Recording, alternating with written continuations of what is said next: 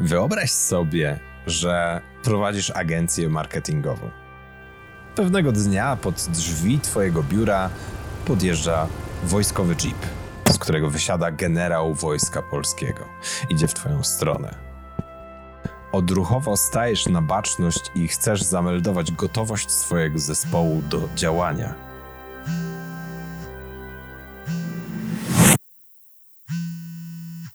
To był tylko sen. Odbierasz telefon i słyszysz: Dzień dobry, tu Agencja Mienia Wojskowego. Chcielibyśmy, żeby zrobił pan dla nas kampanię marketingową. Tak jest, odpowiadasz. I wiesz, że właśnie w tym momencie wyruszasz w jedną z najciekawszych przygód w swoim życiu. Na fali rosnącej popularności storytellingu coraz więcej marketerów chce wykorzystać jego potencjał. Opowiadanie historii w marketingu jest jednak trudne w podcaście Marketing Opowieści gościmy praktyków, którzy z sukcesem użyli storytellingu w swoich kampaniach. Razem z nimi udowadniamy, że opowiadanie dobrych historii nie jest zarezerwowane tylko dla wybranych. Nazywam się Michał Kasprzyk i zapraszam Was do wspólnego odkrywania tajników storytellingu.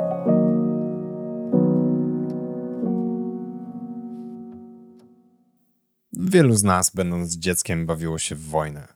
Czołgi, okręty wojenne czy myśliwce odrzutowe to rzeczy, które rozpalały wyobraźnię wielu małych chłopców. Jednak gdy dorośliśmy, okazało się, że sprzęt wojskowy to nie zabawki, a realna wojna jest dużo bardziej brutalna niż w dziecięcych wizjach. Zrozumieliśmy też, że wojsko polskie to nie tylko żołnierze maszerujący na paradach, ale organizacja, która dba o bezpieczeństwo nas i naszych bliskich. Nasz dzisiejszy gość miał szansę zajrzeć nieco za kulisy wojskowego świata, gdy cztery lata temu stanął przed wyzwaniem stworzenia kampanii marketingowej dla Agencji Mienia Wojskowego. I choć historyjkę z podjeżdżającym pod drzwi jeepem wymyśliliśmy na potrzeby tego podcastu, tak właśnie my chcielibyśmy widzieć genezę powstania jednej z najciekawszych storytellingowych kampanii w ostatnich latach w Polsce. A jak było naprawdę, opowie nam Rafał Solski, CEO agencji kreatywnej John Weston Group. Cześć Rafał. Cześć, witaj. Wszystkim gościom na samym początku zadajemy serię szybkich pytań i również dla Ciebie taką serię przygotowaliśmy, więc chciałbym, żebyś na te pytania odpowiedział zwięźle. Pierwsze, jakie jest Twoje ulubione narzędzie marketingowe? Nie ma jednego ulubionego. W tym momencie używamy wielu narzędzi, na przykład badamy środowisko 3D, animację, która jest sterowana głosem, ale teraz tak naprawdę szukamy, rozpracowujemy takie API żyroskopu w telefonie, aby pod wpływem ruchu telefonu dochodziło do różnych doświadczeń storytellingowych. Wow, rewelacja. Aż, aż chcę o to zapytać więcej, a tu mamy inny temat rozmowy, ale może będzie jeszcze okazja. Skąd czerpiesz historie, na których później budujesz kampanię? Przede wszystkim słucham ludzi i ich opowieści. I to jest takie najbardziej dla mnie inspirujące. A jaka jest twoja ulubiona historia? To może być książka, film, cokolwiek. Tydzień temu wróciłem z Hiszpanii i mnie i tak by interesują żywe historie i tam kręcimy film o Blanki. To jest taka dziewczyna ze Strzelina, która wyjechała do świata macho, do świata koni andaluzyjskich, gdzie mieszka w takim mieście, które nazywa się Sanlúcar de la Barrameda, gdzie mężczyźni mają swoje nickname'y, takie ksywki z jakiegoś tam powodu dlatego strzegą ją cztery białe wilki. I to jest chociażby historia taka, którą żyję teraz. Jaka kampania storytellingowa ostatnio zwróciła Twoją uwagę i dlaczego? Wiesz co, jest bardzo dużo kampanii, które mnie jakby inspirują. Taka ostatnio, która zwróciła uwagę, to jest taki DoorDash, to jest taka kampania, która jest prosto opowiedzianą historią o kobiecie, która dostaje kwiaty i czym są dla niej te kwiaty. I ona, ona jakby mnie tak zainspirowała, tak samo jak mnie inspiruje Alessandro Muschel, który zatrudnia Miley Cyrus i łączy ją z artystą, która łączy anime i tworzy niesamowity klip, który promuje nowy zapach. Ale tak, czym żyje teraz ostatnio, może powiedzieć taki vibe wakacyjny, to Islandia i to, co robi Islandia od, od, od w sumie COVID-u, kiedy mm, wymyślili takie mm, mocne kampanie storytellingowe poprzez jakby wciągania widza poprzez imersję. Na przykład przyjeżdżasz do, na Islandię ze swoimi starymi dresami i wymieniasz je na takie ekologiczne buty, w których możesz przemierzać swoją Islandię, a ostatnio mm, zrobili taką kampanię, gdzie jakby jest taki insight, że jak jedziesz na urlop, to przeszkadzają ci maile od twojego szefa albo twoich współpracowników, więc tam w Islandii wpadli na taki pomysł, że możesz zatrudnić do odpisania swoich maili islandzkie konie, które chodzą po klawiaturze i odpisują w taki niesamowity sposób, a na stronie internetowej możesz sobie wygenerować taki autoresponder właśnie wygenerowany przez te konie islandzkie. Także no, tym ostatnio żyję. Nauka storytellingu nie jest tak oczywistą sprawą jak na przykład nauka języka obcego, gdzie możemy przebierać w ofertach różnych szkół językowych. Przynajmniej nie jest tak jeszcze w Polsce. Osoby tworzące marketing opowieści często uczą się z materiałów anglojęzycznych, ale również metodą prób i błędów oraz poprzez eksperymenty. Swoją drogą zachęcam do słuchania naszego laboratorium narracji. Natomiast nasz gość poszedł krok dalej, kończąc kilkudniowy kurs Strategic Storytelling Uniwersytetu Columbia, lecz jego przygoda ze storytellingiem zaczęła się dużo wcześniej.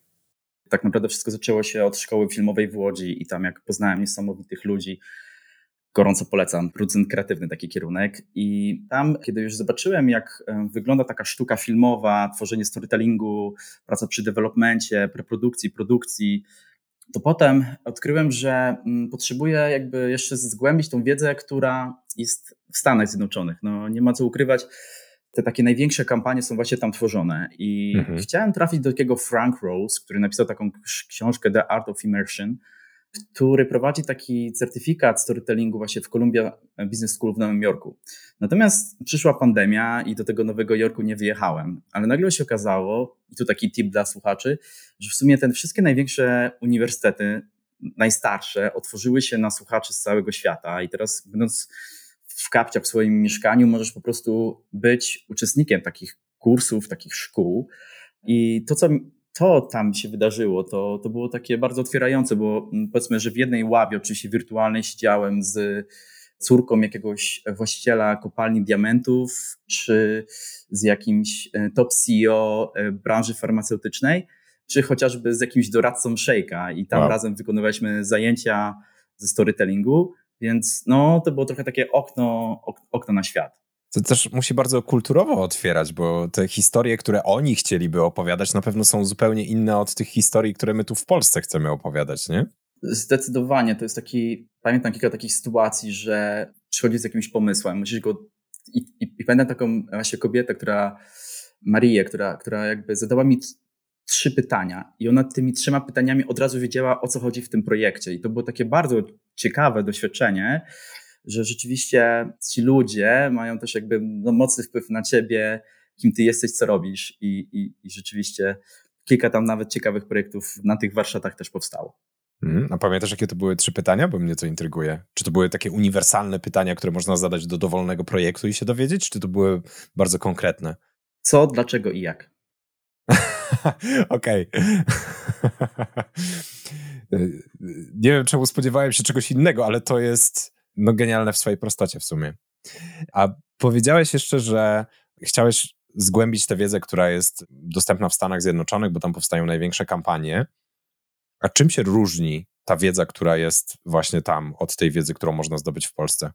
Przede wszystkim kontakt e, z tą szkołą, z tymi specjalistami był dla mnie taki bardzo otwierający, żeby nie bać wychodzić się poza schematy i żeby w ogóle szukać inspiracji poza branżą. Mhm. Na przykład mieliśmy spotkanie z Bruce'em Cravenem, który napisał taką książkę o leadershipie, mhm. gdzie tytuł tej książki to jest między innymi Win or Die i o roli przywództwa w korporacji i napisał tę książkę na podstawie serialu Game of Thrones. I to było właśnie niesamowite, jak on łączy tą taką wiedzę, którą zdobywa w różnych dziedzinach i przynosi ją na, na, na język biznesu. I wtedy to mnie właśnie utwierdziło, że rzeczywiście to jest dobry kierunek, żeby tutaj w Polsce, ale nie tylko w Polsce, w Europie, nie bać się źródeł zupełnie spoza, spoza branży kreatywnej. Mm-hmm. To jest też bardzo wartościowe. Ja też wierzę w to, że w ogóle storytelling jako forma jest bardzo, powiedzmy, że uniwersalny. W sensie, że Ja mogę opowiadać historię kręcąc filmy, mogę opowiadać historię pisząc teksty piosenek, mogę opowiadać historię pisząc artykuły na bloga i tak dalej, i tak dalej. Mnóstwo tych różnych form jest i one w zasadzie mają bardzo wiele wspólnego. Wiadomo, różnią się też pod wieloma względami, ale jeśli chodzi o storytelling, tam no, ten, ten trzon jest y, w sumie ten sam. A jeśli chodzi o Twoje osobiste doświadczenie i, i, cały czas chodzi mi o tę wiedzę, którą zdobyłeś na tym kursie. Co takiego byłeś w stanie już w praktyce przełożyć na y, produkcje, które tworzyłeś? Hmm, to jest dobre pytanie. Nie bać się jakby zabierać tą marką głos w, chociażby w dyskusji, która się daje, w, da, w, danym momencie dzieje. I jeśli tak popatrzymy na to, co, co, robią, e, co robi się w Stanach Zjednoczonych, notabene to się już robi od wielu, wielu lat, mhm. bo ta kultura reklamy jest no, dużo dłuższa, to oni myśląc o storytellingu, e, myślą jakby też o tym, jakie ta marka ma wartości. Mhm. I to, co mi się właśnie spodobało, to to, że właśnie przypisujesz wartości do swoich marek. Myśmy bardzo dużo mówili o CSR, mhm. tak? czyli o społecznej odpowiedzialności biznesu, gdzie tworzysz biznes i analizowaliśmy różne przykłady, w jaki sposób opowiadasz historię, ale też jakby bierzesz jakby odpowiedzialność za tą, za tą planetę, więc było bardzo dużo takich przykładów. Było bardzo dużo, te, teraz taki modny temat to się nazywa ESG. Duże marki dużo mówią o tym ESG i jakby rzeczywiście to był taki klucz do tych, do tych, do tych warsztatów. Oczywiście mieliśmy Pracowaliśmy w, w Miro, w takim też bardzo fajnym narzędziu do, do warsztatów online, gdzie tworzyliśmy sobie takie całe mapy e, schematów, gdzie masz jakby protagonistę, antagonistę, gdzie masz, tworzysz konflikt, prawda, gdzie budujesz jakiś suspens. I to też było jakby ciekawe, jak, jak oni bardzo mocno myślą strukturą. Mhm. I ta struktura, to właśnie myślenie o storytellingu, myślę, że jest taką też dużą wartością, którą wyciągnąłem z tego, z tego kursu. Mhm. A właśnie jak ty podchodzisz do struktur ogólnie? Bo e, wiem, że są głosy takie, które stwierdzają, że nie no, jak trzymasz się struktur, to wyjdzie ci to samo, co wyjdzie ci innym, więc e, trzeba te struktury łamać i one są bez sensu. Z drugiej strony są osoby, które właśnie uwielbiają te struktury i na nich e, budują swoje opowieści. Gdzie ty jesteś w tej batalii? Ja przede wszystkim buduję silne zespoły i, i, i, staram się budować zespół, który składa się z różnych talentów.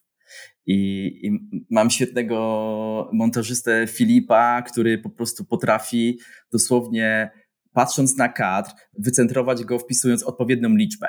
Czyli to jest umysł analityczny. Tak. Mam z kolei niesamowitego operatora Lurida Lorda, który po prostu jest, jest zupełnie jego przeciwieństwem i dla niego jakby struktury to jest jakby coś, co go ogranicza. Mhm. Więc myślę, że jako lider musisz patrzeć na zespół, jakim się otaczasz. I jak tworzysz burzy mózgów, to pewnie tworzyliście te burzy mózgów wiele razy, ale tak naprawdę te najtrudniejsze burzy mózgów, takie najcięższe, do dzisiaj je wspominam, ale one dały naprawdę nie, jakby takie bardzo ciekawe efekty, chociażby o tej kampanii, o której dzisiaj będziemy rozmawiać, to uwierz mi, że te burze mózgów, które tam były, to były bardzo, bardzo intensywne i to wcale nie było takie przyjemne. To taki wieczny konflikt, tak, który masz, twórczy konflikt, wieczne niezadowolenie, pogoń za tym, to jest coś, co mm, patrząc na zespoły kreatywne jest istotą rozwoju. To jest bardzo fajna rzecz, ja bym chciał cię o to zapytać, ale może zróbmy malutki suspens i e, w tej naszej rozmowie i ja najpierw zadam ci jeszcze jedno pytanie, które mnie bardzo intryguje, intryguje bo oczywiście w storytellingu mamy konflikt, tak, a w życiu mamy fakapy. Czy mógłbyś się podzielić jakimś fakapem storytellingowym, który, e, no, no, którego doświadczyłeś w swojej karierze? Tak naprawdę branża kreatywna składa się z samych fakapów.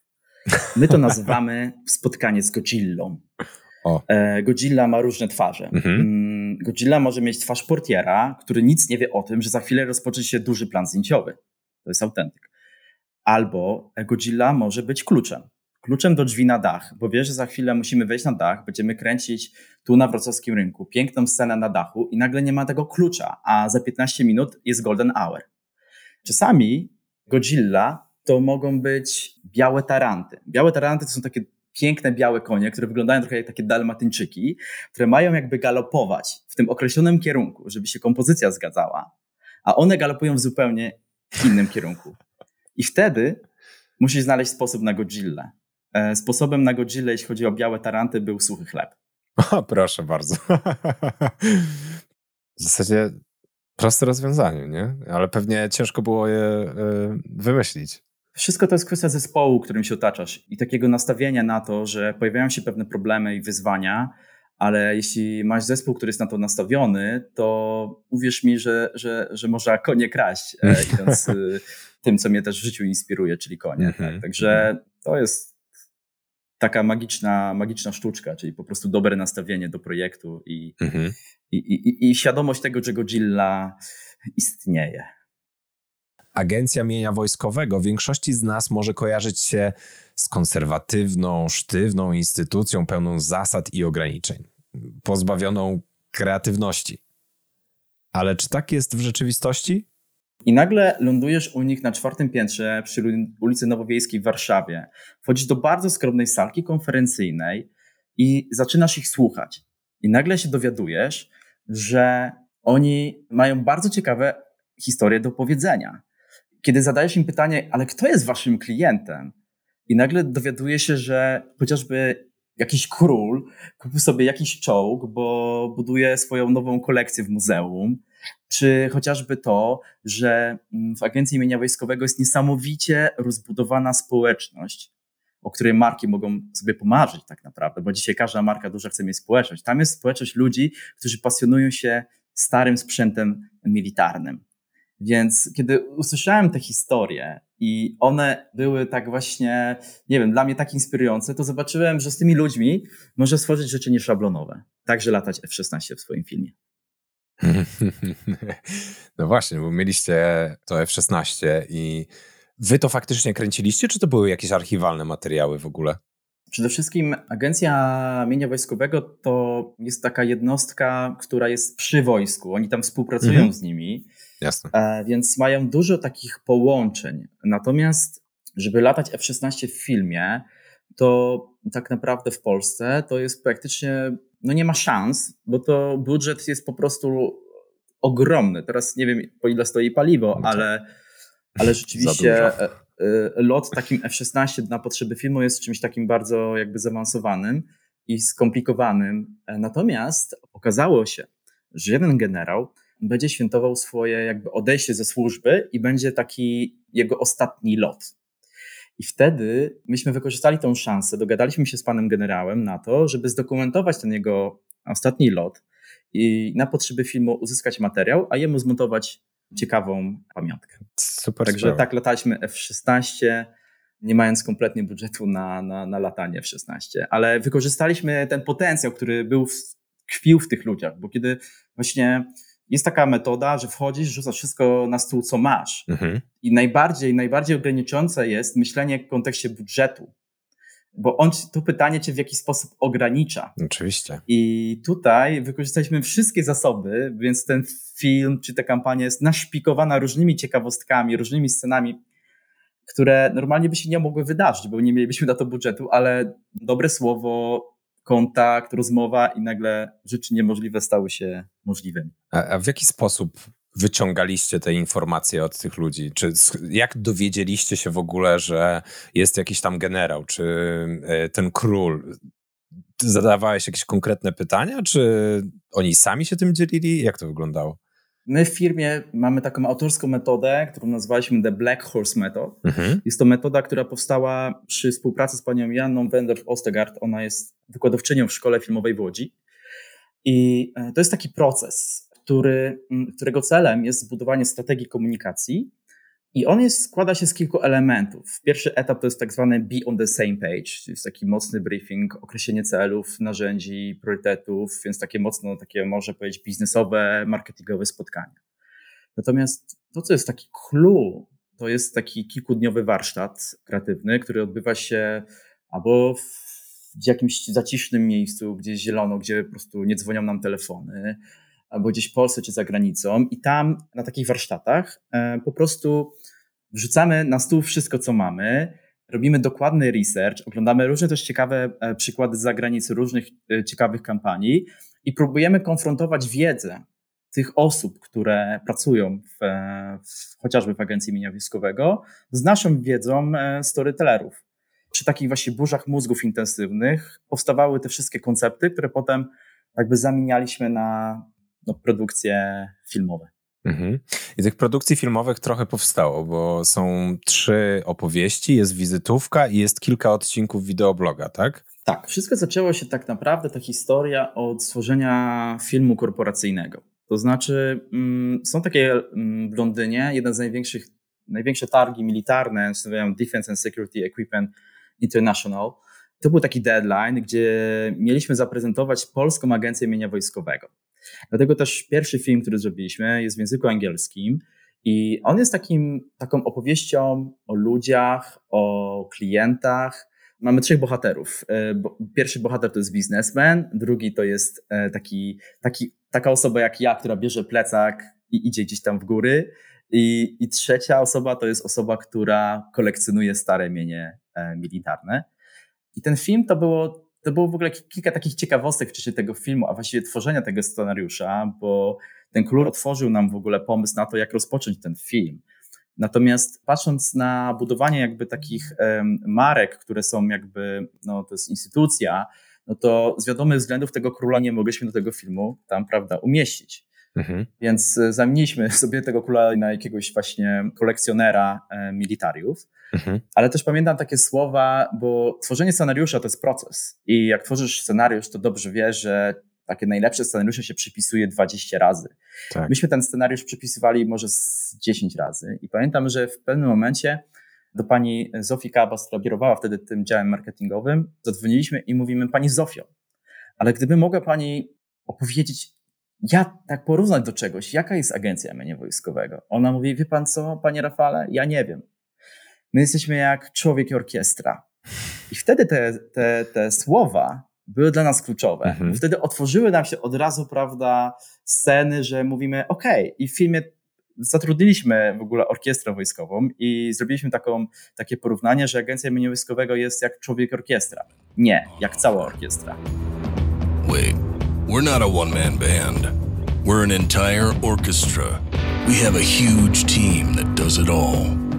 No i tak tym sposobem e, daliśmy dla kierownika produkcji kolejne zadanie, że musieliśmy znaleźć orkiestrę wojskową na drugim końcu Polski i też e, jakby do tego filmu umieścić takie, takie sceny, ale na pewno one zrobiły jakby ten smak tego, tego, tego, tego filmu. No tak, dobre porównanie czy dobra metafora naprawdę potrafi zrobić dobrą robotę w storytellingu, więc Super. Tak, i to był taki, może powiedzieć, coś takiego otwierającego, kiedy, kiedy zrobiliśmy ten film i on jakby, jakby zaczął się podobać i wtedy był kolejny krok, to było właśnie budowa całej strategii komunikacji i stworzenia takiego pomysłu, w jaki sposób komunikować do społeczeństwa, czym jest agencja mienia wojskowego.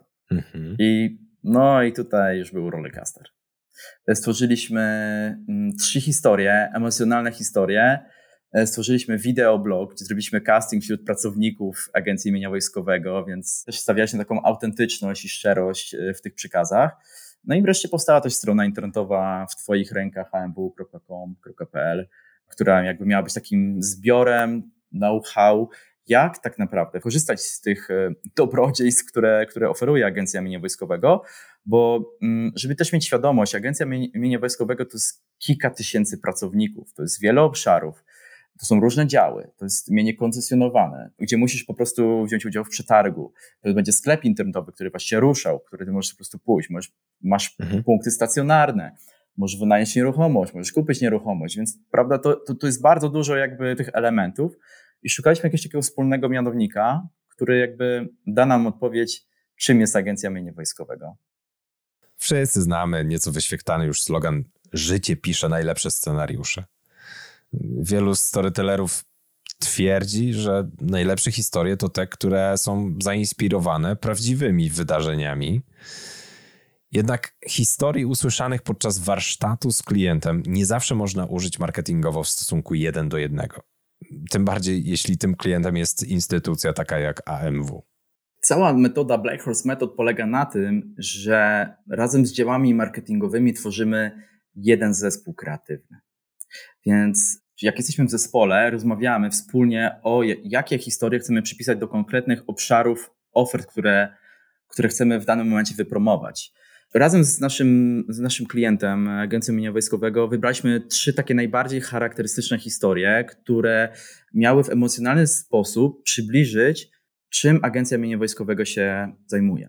Były to historie, nie chcę powiedzieć, że oparte na faktach, ale bardzo mocno inspirowane prawdziwymi historiami. Natomiast myśmy je w pewien sposób przerobili pod, jakby pod jakby scenariusz filmowy. Mhm. Jest taka historia, że Wiktor Franco, e, świetny fotograf, by the way, e, nagle zagrał rolę młodego biznesmena, który otwiera beach bar. Mhm. E, czyli wynajmuje sobie działkę od agencji mienia wojskowego i otwiera beach bar. Mhm. I ta historia oczywiście była sprawdzona, czy na przykład agencja mienia wojskowego oferuje takimi działkami, żeby taki beach bar otworzyć. Tutaj taka anegdota, kiedy nasz, nasz zespół filmowy był gdzieś tam na planie zdjęciowym na Helu i filmował właśnie na potrzeby filmu statki, to wrócili i mówi, Jezu, słuchajcie, to jest takie miejsce, tam może zrobić taki rave na tych statkach, żeby gdyby ktoś na to wpadł, to można naprawdę zrobić po prostu super na ten biznes. Więc to, to, to, gdzieś tak, tak powstawało. Była też historia no, Love Story, gdzie zagrała Marianna Zydek, to też świetna aktorka młodego pokolenia, która jakby wystąpiła w Love Story, gdzie, gdzie no, pokusiła się ze swoim e, chłopakiem i, i nagle uciekła na drugi koniec Polski i teraz on znalazł sposób, żeby odrestaurować, żeby ją przeprosić, to odrestaurował starego ułaza i z różnymi przygotami odnalazł ją i ona mu wybaczyła. I ta historia, no tutaj była inspirowana y, akurat przeprosinami, bo okazało się, że była taka historia, gdzie syn chciał przeprosić bodajże swojego ojca albo coś w tym stylu i po prostu na urodziny mm, odrestaurował mu jakiś stary samochód z agencji mienia wojskowego. Mhm. Trzecia historia, którą opowiedzieliśmy, była bardzo też blisko prawdy, bo ona była inspirowana takim chłopakiem, młode pokolenie designerów, który stworzył w ogóle cały brand kurtek zrobionych ze spadochronu. Wow. Tak, czyli wygrał przetarg, kupił spadochrony i nagle postanowił z tego zrobić kolekcję ubrań. Natomiast myśmy przerobili tą historię, bo na początku chcieliśmy ją wziąć tak jeden do jednego, Natomiast okazało się, że żeby kupić spadochrony, to jest jakby mniej koncesjonowane, czyli już du duże procedury, przetargi, uprawnienia i tak dalej.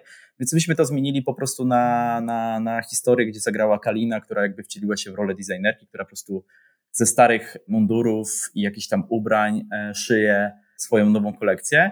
No i rzeczywiście na potrzeby tego filmu musieliśmy zatrudnić prawdziwego projektanta, który, który takie rzeczy nam uszyje. Okej, okay. a jestem ciekaw, bo mówisz tutaj o na, na, przykład, że te spadochrony zmieniliście na inne elementy ze względu na to, że e, spadochrony są koncesjonowane i to była jakaś zmiana w historii, zmiana w scenariuszu. A jak jeszcze podejmowaliście decyzję o tym, co w scenariuszach w ogóle powinno się znaleźć? Czy na, nawet na poziomie pojedynczych scen?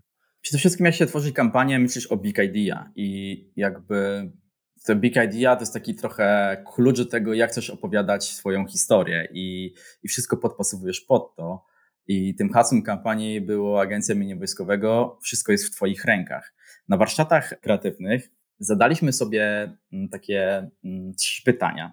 I te trzy pytania były, okazały się kluczowe do tego, żeby zrozumieć Agencję Mienia Wojskowego. Pierwsze pytanie było: narysuj filozofię swojej marki.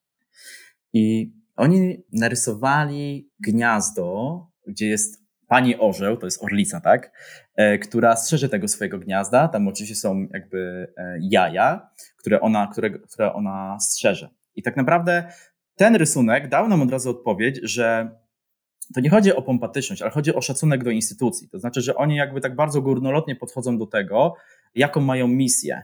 I że oni jakby to, co robią, właściwie to jest jedna z niewielu firm w Polsce, która ma taką mocną misję, że oni jakby przekazują cały zysk, który wypracują z nieruchomości czy z ruchomości na cele albo mieszkaniowe dla żołnierzy, albo właśnie na zakup nowoczesnego jakby sprzętu wojskowego.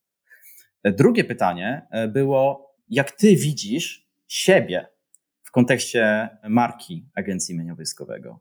I to było zaskakujące, bo oni narysowali jakby siebie, idąc jakby, można powiedzieć, w szeregu, ubrani jakby po cywilnemu, ale idącym, oni idą w jednym kierunku. I to też pokazało, że oni, co prawda, nie są jakby mm, żołnierzami, są cywilami, ale mają poczucie misji. I to było naprawdę imponujące, kiedy ja to, kiedy to, kiedy to zobaczyłem. A trzecie pytanie w kontekście jakby naszkicuj klienta po kontakcie z twoją marką, to narysowali podróżnika, który, wyobraźmy sobie taką, taki rysunek, jest, jest grań, może Tatry, jest podróżnik, który ma rozłożony namiot, ma oczywiście plecak i buty z Agencji Mienia Wojskowego i patrzy gdzieś tam na szczyt. Mhm. I chodziło tutaj o tą metaforę, że ich klient to jest taka osoba, która od niej zależy, co on teraz zrobi. To znaczy, że trochę jak w TK Maxie, przychodzisz do TK Maxa, kupujesz jakąś rzecz i to od ciebie zależy, czy to będzie, nie wiem, bo ty nigdy nie wiesz, co przyjdzie w agencji mienia wojskowego. Tam możesz kupić namiot, tam możesz kupić nieruchomość i zrobić z tego biznes, możesz kupić sobie e, jakąś e, fajną skrzynię, która ci udekoruje twoje loftowe wnętrze. Więc e, ta metafora klienta, że to od niego zależy, co on teraz robi. Czy on wejdzie na ten szczyt, czy może po prostu spakuje swój namiot i plecak i zejdzie sobie na dół, czy zejdzie do schroniska, to już od niego zależy. I to było jakby takie, na takim psychologicznym zrozumieniu, tak psychologicznie weszliśmy w tą markę i wtedy to było bardzo pomocne w kontekście właśnie kreowania tego głównego, głównego przekazu. Super sprawa, super sprawa. W ogóle bardzo mi się podoba ten, ta, ta metoda, z której korzystacie. My sami też prowadzimy warsztaty koncepcyjne dla e, klientów na samym początku, ale aż tak głęboko nie wchodzimy. Może powinniśmy zmodyfikować też e, e, nasze działania, bo to ma bardzo dużo sensu i bardzo duże, otwiera bardzo duże pole do tego, co można później zrobić. Podoba mi się. Chciałem Cię jeszcze zapytać, czy w związku z tym, że ten proces był taki e, rozbudowany i w zasadzie to wy, mam wrażenie, trochę prowadziliście ich za rękę. To czy mieliście jakąś dowolność, jeśli chodzi o opowiadanie tej historii, czy wszystko mocno było feedbackowane i oni e, trzymali pełną kontrolę?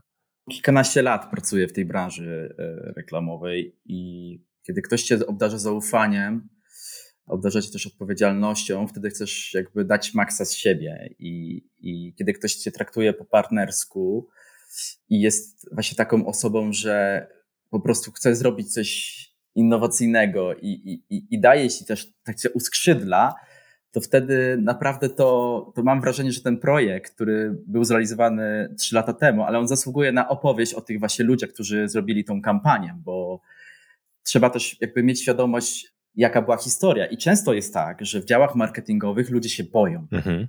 No tak. e, wziąć odpowiedzialność, mało tego, zaprosić kogoś z zewnątrz i dać mu jakby kredyt zaufania. Mhm. I, I zaskakujące było to, że w Agencji Mienia Wojskowego myśmy mieli taki kredyt zaufania. Oni nas jakby obdarzyli jakby taką, mm, no dali nam po prostu możliwość wykazania się i dania, dania z siebie jak najwięcej. I myślę, że to jest też, jeśli ktoś współpracuje z ludźmi kreatywnymi, ktoś może słucha nas po stronie jakby market, marketingu, to to myślę, że, że taka, dawanie takiej wolności, albo inaczej, przestrzeni do tworzenia ciekawych, innowacyjnych projektów, to wtedy naprawdę ten zespół kreatywny po drugiej stronie no, da z siebie maksa. I tak było w tym projekcie. Myśmy tutaj łącznie kilkadziesiąt osób przy tym projekcie pracowało i, i, każdy to czuł, że robimy coś wyjątkowego, tworzymy coś innowacyjnego i, i, i to by się nie wydarzyło, gdyby właśnie ci ludzie w przy tej nowowiejskiej w Warszawie na czwartym piętrze w salce konferencyjnej powiedzieli tak, chcemy, chcemy, chcemy, chcemy zrobić coś innowacyjnego.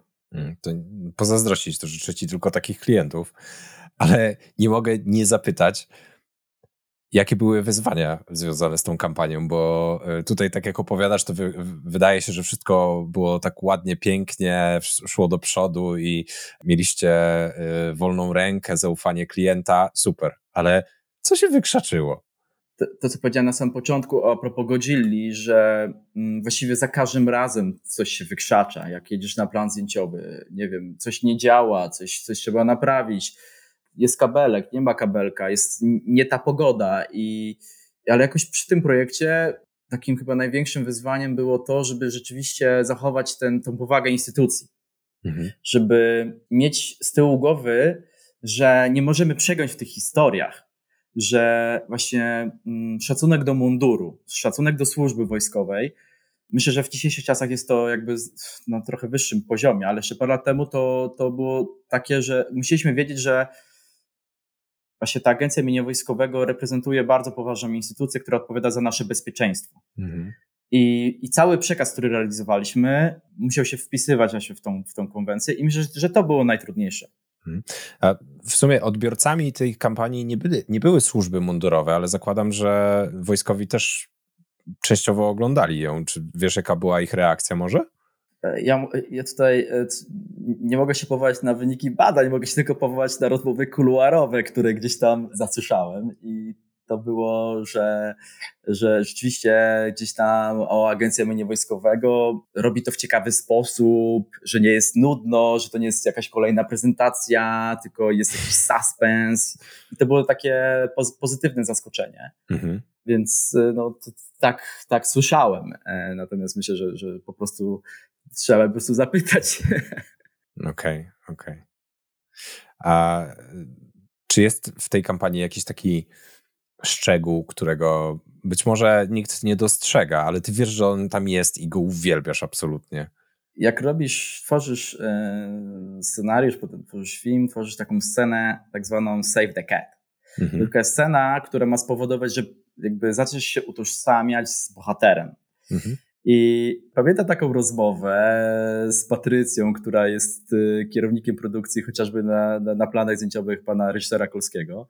I opowiadała mi taką scenę e, z, z backstage'u, gdzie musiała dosłownie gdzieś tam o czwartej rano szukać jakiejś owcy, która musiała zawieźć na plan zdjęciowy, bo pan, który miał przyjechać z drugiego końca Polski nie dojechał, bo była burza i po prostu nie dojechał. I ona gdzieś znalazła tą owcę i razem gdzieś tam z producentem, samochodem osobowym wieźli owcę na plan zdjęciowy. I ta scena mi się tak spodobała, że w tej naszej historii Love Story daliśmy taką scenę właśnie Save the Cat, gdzie nasz bohater w pewnym momencie spotyka starszą babcię, która gdzieś tam nie może, nie może jest chora, czy owca jest chora i trzeba coś, coś, coś, coś zrobić i on po prostu razem z tą babcią i z tym owcą i z tym starym ułazem przymierza jakieś łąki, żeby gdzieś tam dojechać do prawdopodobnie do weterynarza.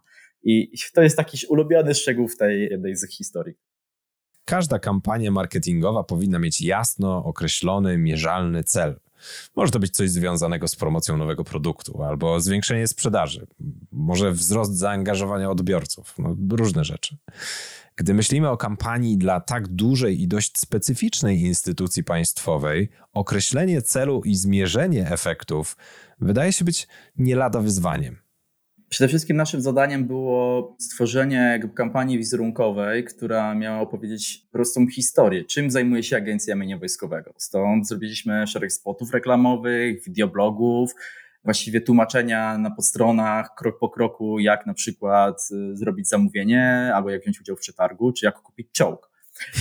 I całość miała premierę razem ze sklepem internetowym, który można powiedzieć jest takim no, najlepszym sprawdzeniem tego, czy to działa. Mhm. W ciągu 8 miesięcy od odpalania te, tego sklepu internetowego było przyszło 10 tysięcy zamówień o wartości około miliona złotych. Nieźle. Natomiast y, co do wartości nieruchomości, które są y, sprzedawane przez Agencję Mienia Wojskowego, to takich danych nie wiem. Wiem, że tylko to są ogromne kwoty, mhm. ale nie mam dokładnych wyliczeń. Natomiast na, na stronie, zresztą też tutaj konsultowałem z, z panią rzecznik, więc też odsyłam do strony Agencji Mienia Wojskowego, tam są jakby szereg artykułów, gdzie oni jakby opisują jakby te, te już precyzyjne wartości. A, super, to też sprawdzimy. No dobrze. To jeszcze odnośnie tej kampanii, ostatnie pytanie. Co byś zrobił inaczej? O ile w ogóle cokolwiek. Na pewno bym zainwestował w dobry making of, bo tego zabrakło, a po prostu tysiące kilometrów, gdzie spotykaliśmy, nie wiem, pilotów F-16, gdzie, nie wiem, filmowaliśmy jakiegoś ogromnego orła, który pełni też rolę w wojsku, odstrasza, prawda, jakieś tam inne zwierzęta od lotniska. Ten ptak był przeogromny, miał nie wiem ile, no, ogrom, ogromny, ogromny jakiś amerykański orzeł. Mhm. Czy chociażby dokumentacja tego, czym jest magia kina, bo była taka sytuacja, że mieliśmy nakręcić żołnierzy, którzy są na zadaniu bojowym. Przyjeżdżamy na miejsce, okazuje się, że żołnierze nie mają przypustki, żeby pójść na, nie mamy wejścia na poligon. I nagle jest tutaj, prawda, jednostka wojskowa, czy są jakieś bloki, obok tego jest taki skwerek, zielony, mały, i nagle tam po prostu stworzyliśmy jakby działania bojowe, bo bardzo dużo dymu, bardzo takie bliskie ujęcia i udało się osiągnąć jakby taki efekt, jakby, który był zamierzony. Więc tak patrząc z perspektywy czasu, dzisiaj bym zainwestował właśnie w dobry, w dobry backstage, bo, bo, bo ewidentnie te historie dziś są u nas, ale, ale one nie są zdokumentowane filmowo, a na pewno ten background był bardzo, bardzo ciekawy. Super sprawa. No dobra, to w takim razie mieście y, te kampanie, gdzie tam było F-16 w filmie, mieliście sesję na Zanzibarze, mieliście, robiliście coś dla szkoły aktorskiej w Londynie. A co, co dalej? Y, wspomniałeś o tej Hiszpanii, o tych koniach. A może z kolei jakaś kampania w kosmosie? Co, co, co jest następnego dla Was? Obecnie pracujemy nad taką, mm, nie mogę zdradzić nazwy, ale tylko dodam, że jest to przeogromna firma z Doliny Krzymowej, dla, gdzie zostaliśmy zaproszeni do tego, żeby stworzyć strategię komunikacji, właśnie The Black Horse Method, kampanii wizerunkowej na trzy kontynenty. I, i tam stawiamy taki, taki wewnętrzny metaverse, gdzie przeistaczasz się w awatara, mhm. który ma jakieś swoje emocje i który być może wyląduje na jakiejś bardzo ciekawej planecie. Natomiast ten projekt jest wciąż w developmencie i, i cały czas jakby nad nim e, pracujemy. Kiedy się pojawi mniej więcej? Czy jeszcze nie, nie jest to określone? W tej chwili jesteśmy na etapie jakby koncepcyjne, natomiast no, teraz całe wakacje będziemy jakby tutaj produkować, jest jakby step by step. Takie kampanie, takie wizerunkowe, to, to one są jakby w czasie, tak pół roku, rok, to są jakby takie, takie duże rzeczy, gdzieś tyle, tyle powstają. Także mm. gdzieś, gdzieś, gdzieś za rok możemy się spotkać i, i, pochodzić po świecie 3D. Nagramy podcast w metaversie może, ale y, ciekawi mnie jeszcze, y, jak długo zajęło tworzenie całej tej kampanii dla Agencji Mienia Wojskowego? Ta kampania zajęła nam około roku. Myśmy gdzieś, gdzieś około. Myślę, że działania koncepcyjne, które były, to było, to było jakieś 2-3 miesiące plus produkcja. Mhm. No, tak może 10 miesięcy. Super. I, to i, tak dosyć sprawnie myślę. Biorąc pod uwagę rozmach, to 10 miesięcy spoko. Rafał, na koniec jeszcze chciałem Cię zapytać, jaką radę dałbyś marketerom, którzy chcieliby zacząć tworzyć jakieś storytellingowe kampanie? Ja może tutaj nawiążę do tego wątku, wątku o którym wspomniałem na początku, czyli Hiszpanii i, i, i, i nawiążę do Baltazara Graciana, który mówił, to co łatwe rób jakby było trudne, a to co trudne rób jakby było łatwe. I myślę, że to jest taki mój tip dla, dla wszystkich marketerów, którzy, którzy zajmują się storytellingiem. Super sprawa, bo no, poda podoba mi się to. Jeszcze na koniec zadanie kreatywne. Gdybyś miał zrobić kampanię misji kolonizacyjnej na Marsa, jaką historię byś opowiedział i jakie medium byś do tego wykorzystał? Idąc e, tropem e, słuchania, na początek zrobiłbym proces developmentu na Marsie i pogadał z tubylcami, żeby mi opowiedzieli, jak tam jest. No dobra, ale załóżmy, że nie ma ich jeszcze tam, nie ma tubylców na Marsie. Dopiero, dopiero zaczynamy tę e, kolonizację. Wiesz co, ostatnio byłem w, mm, w takim klubie Creators Lab. To jest taka organizacja, która zrzesza ludzi, którzy zajmują się e, technologią VR i AR. I mieliśmy zadanie z takim mm, twórcą, Kanadyjczykiem, który zastosował technologię wiarową i był jednym z pierwszych e, jakby ludzi, zespołów, firm, które wysłały kamery 360 po prostu w kosmos. To, to były kamery 360, które rejestrowały po prostu to, co się dzieje. Właśnie, że po prostu na przykład zakładasz sobie okulusy i nagle oglądasz, obracasz głowę i widzisz jakby jak wy, wygląda, nie wiem, y, jakaś misja. Więc myślę, że, że na pewno stawiałbym na taką technologię w tym, w tym kontekście. Czyli jakby jak stworzyć jak największe imersyjne mm, wrażenie, że możesz tam być. A może jeszcze bym dorzucił trochę tajemnicy, tak by tutaj szczyptę tajemnicy, żeby też to było takie tajemnicze, żeby, żeby naszych klientów jeszcze bardziej sprawić, żeby chcieli tam zamieszkać. Super. Rafał, bardzo Ci dziękuję za tę rozmowę. W imieniu słuchaczy też za tonę wiedzy, którą się podzieliłeś. Ja również dziękuję i chciałem powiedzieć, że, że bardzo mi miło na to zaproszenie i chciałem pozdrowić, jeśli mogę, cały team Agencji Mienia Wojskowego, bo bo robią niesamowitą robotę. Polecam ich social media, bo to, co się tam dzieje na ich Facebooku, to jest po prostu majstersztyk. Także pozdrowienia dla Was. Super, też pozdrawiamy. Dzięki. Drogi słuchaczu, droga słuchaczko, wierzę w to, że historia tej kampanii będzie dla Ciebie świetną inspiracją do użycia storytellingu w następnej kampanii Twojej marki. Kontynuuj z nami podróż po świecie dobrze opowiedzianych historii i zasubskrybuj podcast Marketing Opowieści w Spotify, Apple Podcasts, Google Podcasts lub Twojej ulubionej aplikacji do słuchania podcastów. A jeśli chcesz wyprodukować podcast i potrzebne Ci wsparcie, odwiedź stronę marketingopowieści.pl. Link do strony oraz wszystkich wymienionych w odcinku materiałów znajdziesz w opisie podcastu.